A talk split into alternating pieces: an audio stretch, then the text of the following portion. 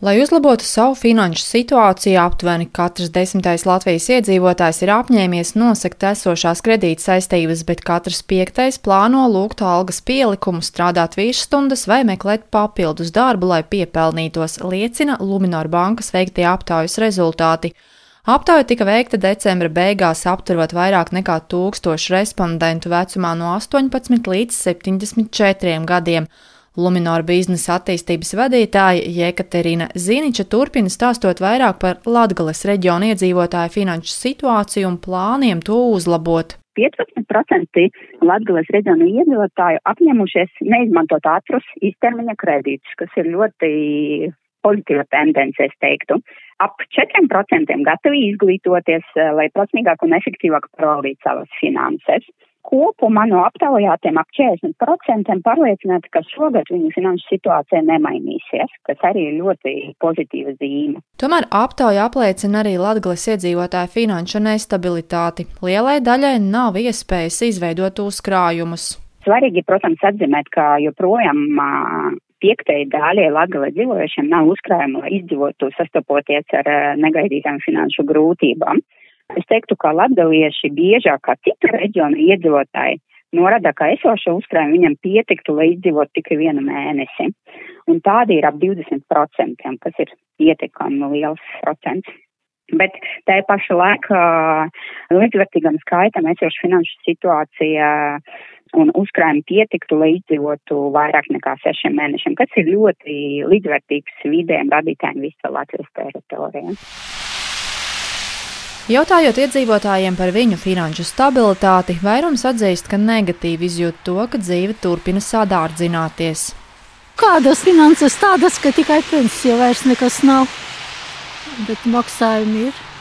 Vai jums pietiek ar savu pensiju, lai samaksātu izdevumus? Nē, bērni palīdz. Bet kaut ko ietaupīt, tad uh, nesenāk nemaz. Nu, vasarā vēl tā brīvāk var padzīvot, bet ziemā tikai no, no, no līdz Veikalā viss ļoti strauji kļuva dārgāks un ir grūti izdzīvot ar savu naudu, ar savu algu. Strādājat kaut kur?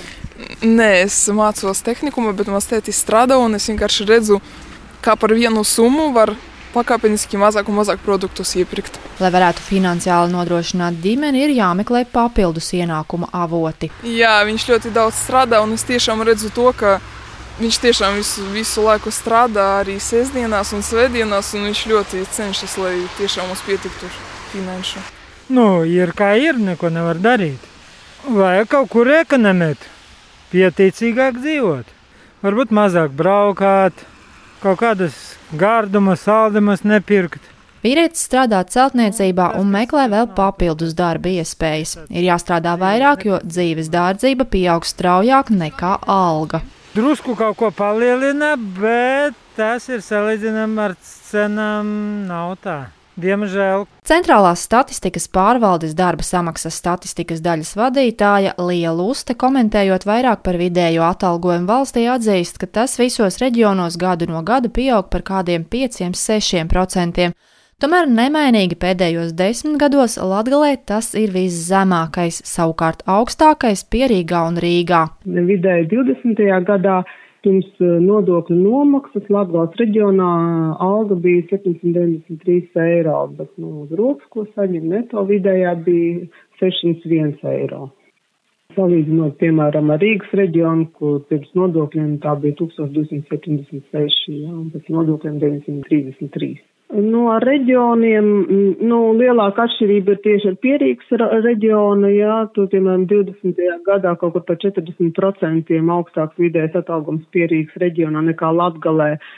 Salīdzinot ar kurzemi zemgali kaut ko 22%, un mazāk atšķirība ir eh, salīdzinot ar vidzemes reģionu 15%. Skatot šā brīža datus par aizvadīto gadu, jāteic tieši Latgalē bruto darba samaksa pieauga visstraujāk, palielinoties par 13%, un aizdītā gada trešajā ceturksnī sasniedza 912 eiro uz papīra. Tomēr, neraugoties uz to, salīdzinot ar galvaspilsētas datiem, jāsacina, ka Latgalē vidēji pelna par 36% mazāk nekā Rīgā. Lāsma Zūta Vītola Latvijas radio studija Latgalē.